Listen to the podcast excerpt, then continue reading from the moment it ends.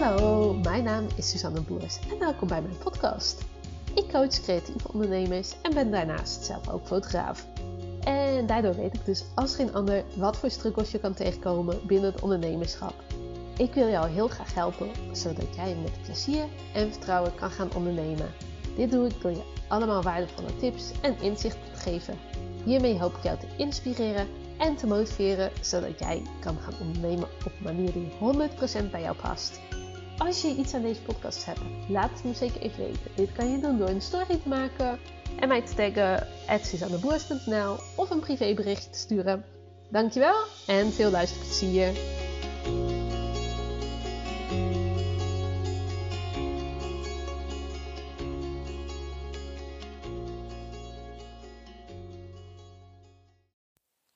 Hey, goedemiddag of goedenavond, goedemorgen, wanneer je hem opluistert.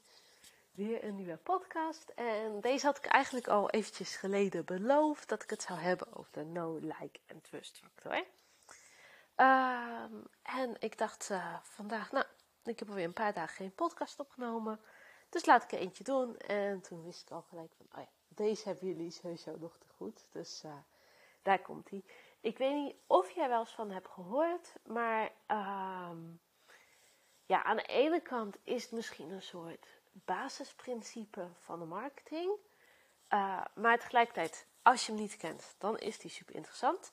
En als je hem wel kent, is het denk ik super interessant om nog gewoon een keertje op je gemak even door te lopen en te bedenken: hoe werkt dit nou eigenlijk bij mij? Uh, het is dus een Engels term, de no, like en trust fase. En in principe gaan al je klanten en potentiële klanten uh, gaan door die fases heen. En uh, het gaat ook vaak in die volgorde, maar nou ja, soms kan je de like en trust nog wel omdraaien. Ehm, maar in principe uh, gaat het vooral om de eerste stap. En dat is uh, de no-fase. Dus dat ze je leren kennen. Dat ze weten van, hé, hey, wie is daar? Wie, uh, wie, wie is die fotograaf? Wie is diegene met die handgemaakte producten? wie is diegene die die workshop schreef? Wie is diegene die, ehm, ja, die kaarten maakt, die teksten schrijft? Wie, wie ben jij? dat, dat ze je echt eventjes leren kennen. En nou ja, aan de ene kant is dat de eerste aanraking. Um, dus dat kan um, ja, op nou ja, duizend en één manieren ongeveer. Uh, maar het meest wat nu gebeurt is uh, toch wel social media. En dan kan je denken aan bijvoorbeeld Instagram, uh, maar ook LinkedIn of um, Facebook. Maar het ligt natuurlijk een beetje aan, of TikTok natuurlijk. Het ligt natuurlijk een beetje aan wat voor kanalen je inzet. Want jou leren kennen, dat is überhaupt weten van je bestaan af. Ik weet dat een aantal van mijn luisteraars best wel unieke niches hebben. Uh, best wel in unieke branches zitten. Misschien zit jij in wat algemenere. dat zou ook goed kunnen. Maar ehm, nou ja, het is gewoon goed als mensen weten dat je bestaat. En soms kan het natuurlijk zijn dat je iets aanbiedt waar mensen eigenlijk nog nooit over hebben nagedacht dat je het aanbiedt. Stel nou, jij maakt. Um, ik zit even te denken hoor, want dit verzin ik ook te plekken. Maar ik weet inderdaad dat het wel zo is. En ik zit even te denken aan een uh, coachie die op een uh, die yoga workshops geeft uh, op een creatieve wijze.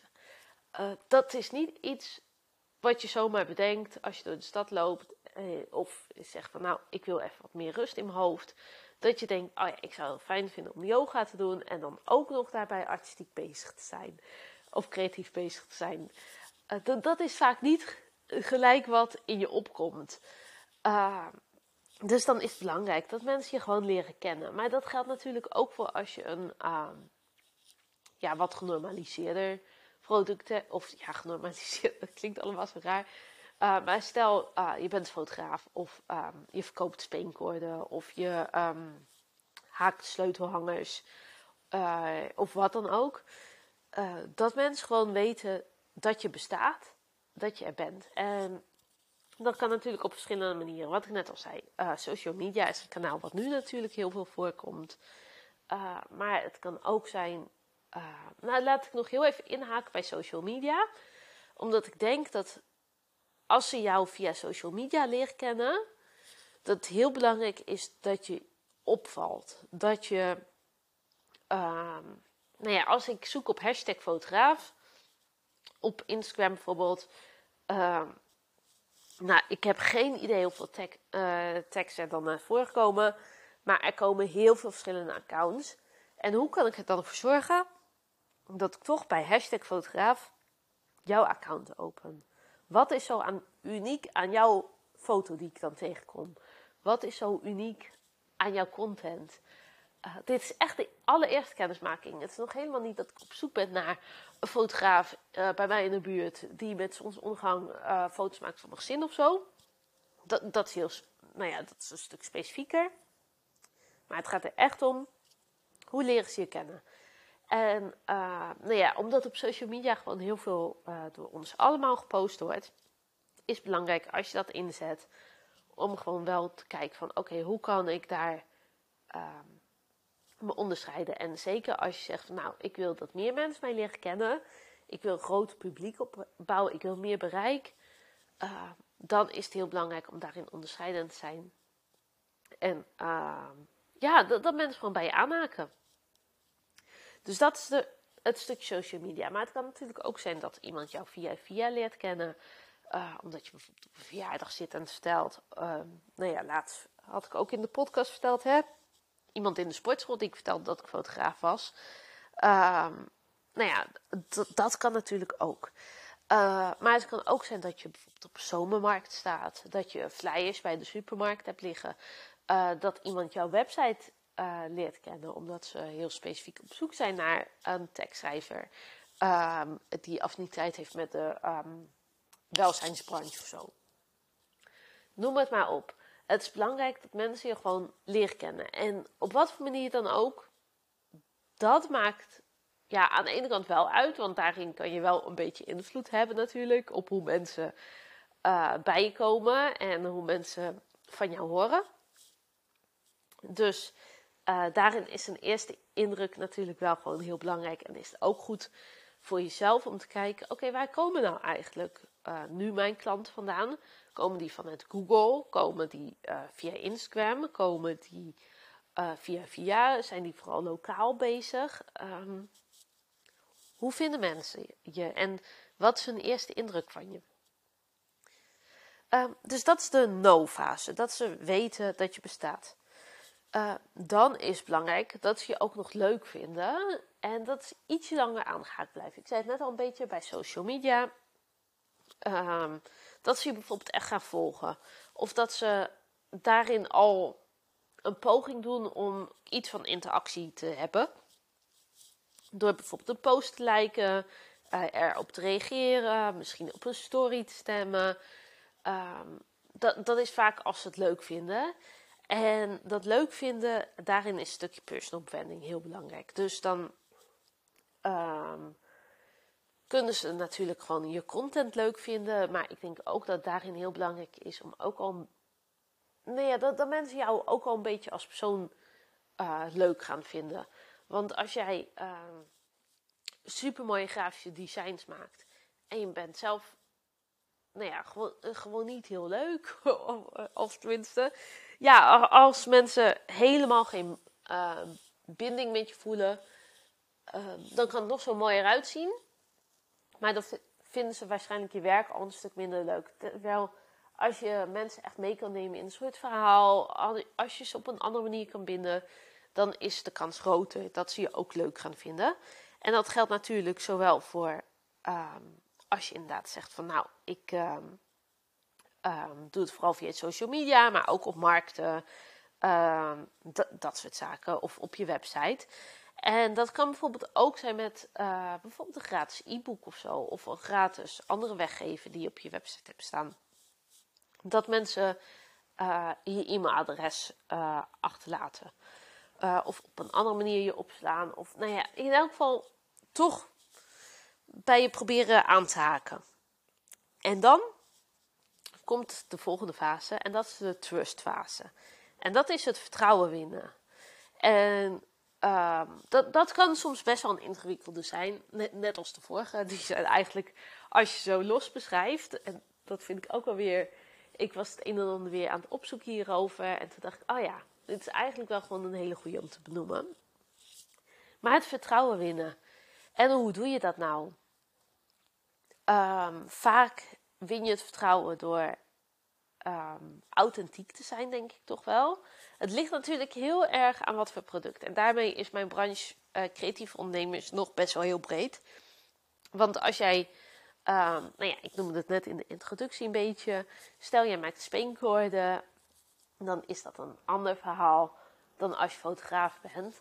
Maar ook bij, als je bijvoorbeeld speenkoorden maakt, dan is een trustfactor heel belangrijk. Want um, het gaat om iets wat een babytje wel eens in zijn mond stopt. Dus ik moet eigenlijk, als jij zoiets verkoopt, jou kunnen vertrouwen dat jij uh, gecertificeerde, veilige materialen voor baby's verkoopt.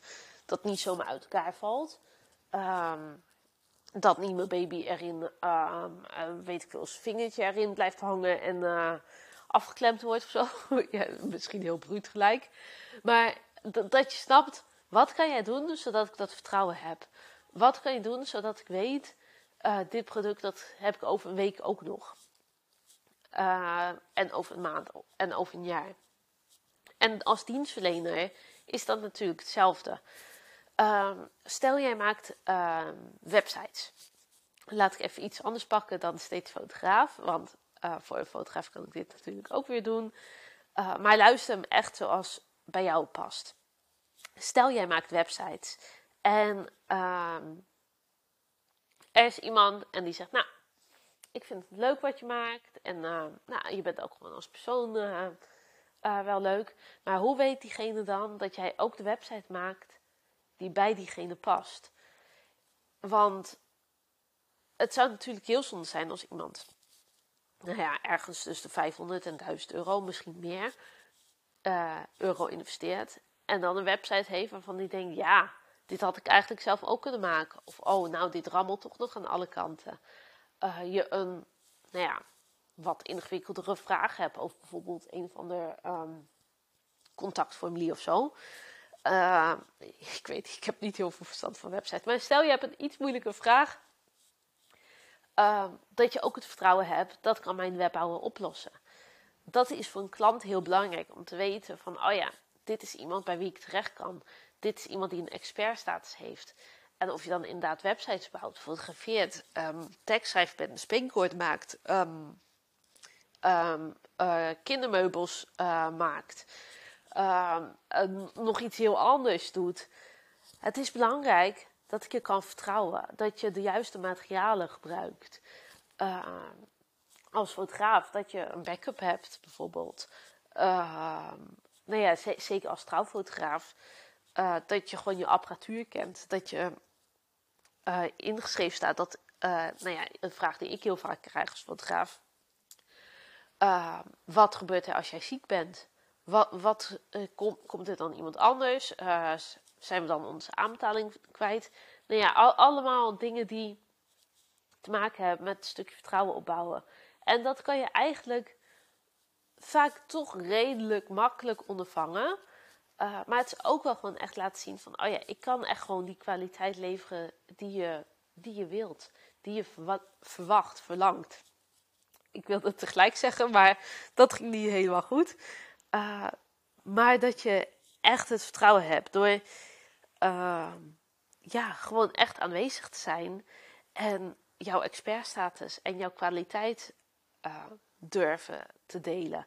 En ik weet dat dat voor heel veel creatievelingen en misschien ook wel voor jou heel lastig is. Want je denkt, ja, ik doe helemaal niks speciaals. Ben ik nou echt een expert? Ben ik nou echt uniek hierin? Maar dat is heel belangrijk voor die trustfase. En pas daaraan, daarna komen mensen uh, weer in de volgende stap. En dan pas gaan ze over op, um, op eventueel een aankoop.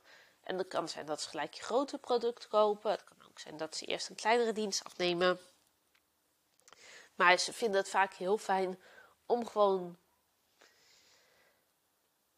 uh, eerst jou te leren kennen natuurlijk. Um, zo, uh, dan het leuk te vinden wat je plaatst en dan je te gaan vertrouwen.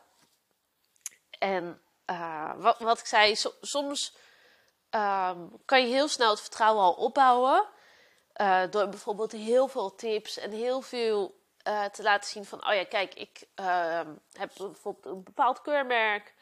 Um, wat dan ook, dan kan je allemaal laten zien van, oh ja, dat, dat bouwt allemaal mee aan het vertrouwen. Dus dan kan het omgedraaid zijn, wat ik net in het begin al zei. Hè? Je hebt je eerste no-fase, dat, dat is bijna altijd um, wat belangrijk is. En nou ja, misschien dat je het ook wel als een soort cirkeltje kan zien. Dat je eerst no-fase doorgaat, uh, dan de like of trust fase en dan nog no-fase. Dat zie je net iets beter soms willen leren kennen. Maar dat wisselt een beetje per dienst. Uh, maar die no-fase, die is heel belangrijk om gewoon uh, goed van bewust te zijn. Dat mensen, het kan altijd de allereerste keer zijn dat ze met jou in aanraking komen. En hoe wil je dan verschijnen? Want jij hebt uh, misschien al een aantal volgers op Instagram. Misschien heb je, uh, geef je bepaalde workshops. Uh, het kan altijd zijn dat mensen je al een post kennen. Maar er kunnen ook altijd nieuwe mensen bij zitten. En hoe, hoe leren zij jou kennen? Is dat, uh, ja, denk na over hoe mensen jou voor het eerst uh, leren kennen. Wat, wat jouw eerste indruk is. Welke eerste indruk jij wil achterlaten op iemand. En als jij alleen maar uh, posten aan het schrijven bent die heel erg op uh, de trustfactor zit, bijvoorbeeld, uh, dan zullen mensen veel minder snel bij jou aanhaken, omdat ze ja, je nog helemaal niet kennen, helemaal, zeg maar, als iemand alleen maar, ik heb het wel eens gehad bij een netwerkmeeting, moet ik nu opeens aan denken.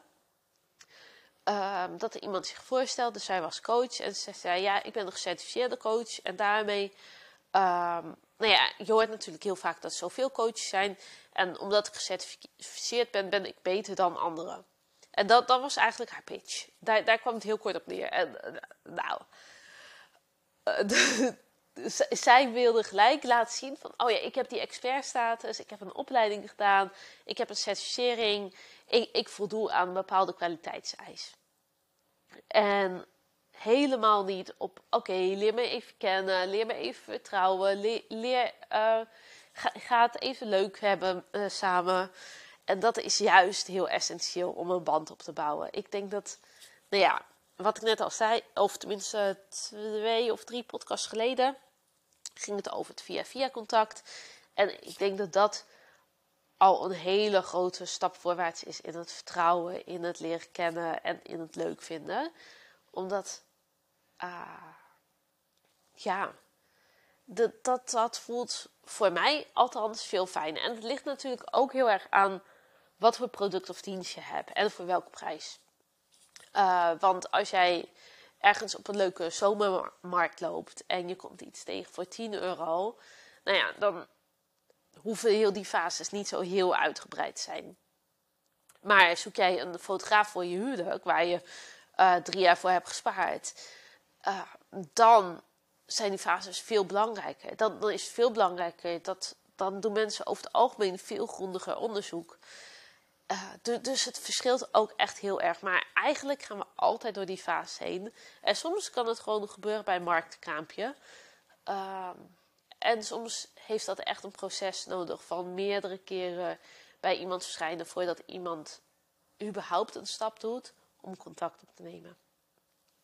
Dus ga dat even voor jezelf analyseren. Hoe komen mensen te weten dat ik besta? Wat gaan ze leuk kunnen vinden? Is dat uh, ja, ja, uiterlijk? Uh, of tenminste, dat bedoel ik niet jouw persoonlijke uiterlijk, wat soms ook wel een beetje meespeelt, maar uh, ik denk veel meer het uh, stukje personal branding, de uitstraling. dus straal jij iets heel vrolijks uit, iets heel serieus, iets heel duisters, iets heel mystieks. Wat, wat, straal jij uit? Wat is de eerste indruk die mensen van je krijgen? En dan nog de fase: hoe gaan mensen jou vertrouwen? Hoe gaan ze er voor je? Hoe ga je ervoor zorgen dat mensen bij jou aangehaakt blijven. Dat ze denken, oh ja, met jou kan ik wel iets. Uh, jij, jij, kan mij helpen. Jij, jij hebt iets wat ik eigenlijk heel graag wil. Jij hebt iets wat ingaat op een soort verlangen. Um, bij deze podcast zou het veel fijner zijn als ik hier echt een specifiek voorbeeld en een specifieke casus uh, voor heb. Die heb ik op het moment even niet. Uh, maar als jij wil, misschien is dat wel heel interessant. Uh, stuur mij even een DM. En degene die dat als eerste doet, die zijn of haar bedrijf, ga ik het met je doorlopen. En dan maak ik ook een podcast van. Hoe het voor diegene zijn of haar bedrijf is. En hoe mensen je vaak leren kennen. Wat dan een eerste indruk kan zijn.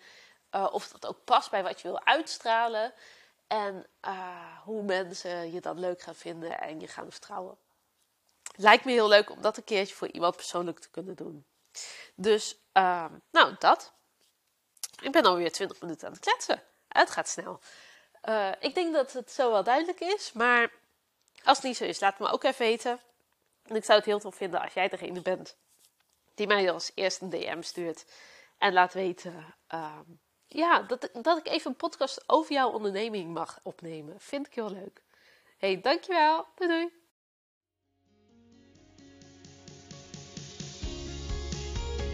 Hey topper, dankjewel dat je hebt geluisterd. Ik hoop dat je hem super waardevol vond en ik ben zelf heel benieuwd wat jij hieruit haalt. Zou je dat met me willen delen? Dat kan via een privéberichtje op Instagram of een story at. Dankjewel en tot de volgende. Doei doei!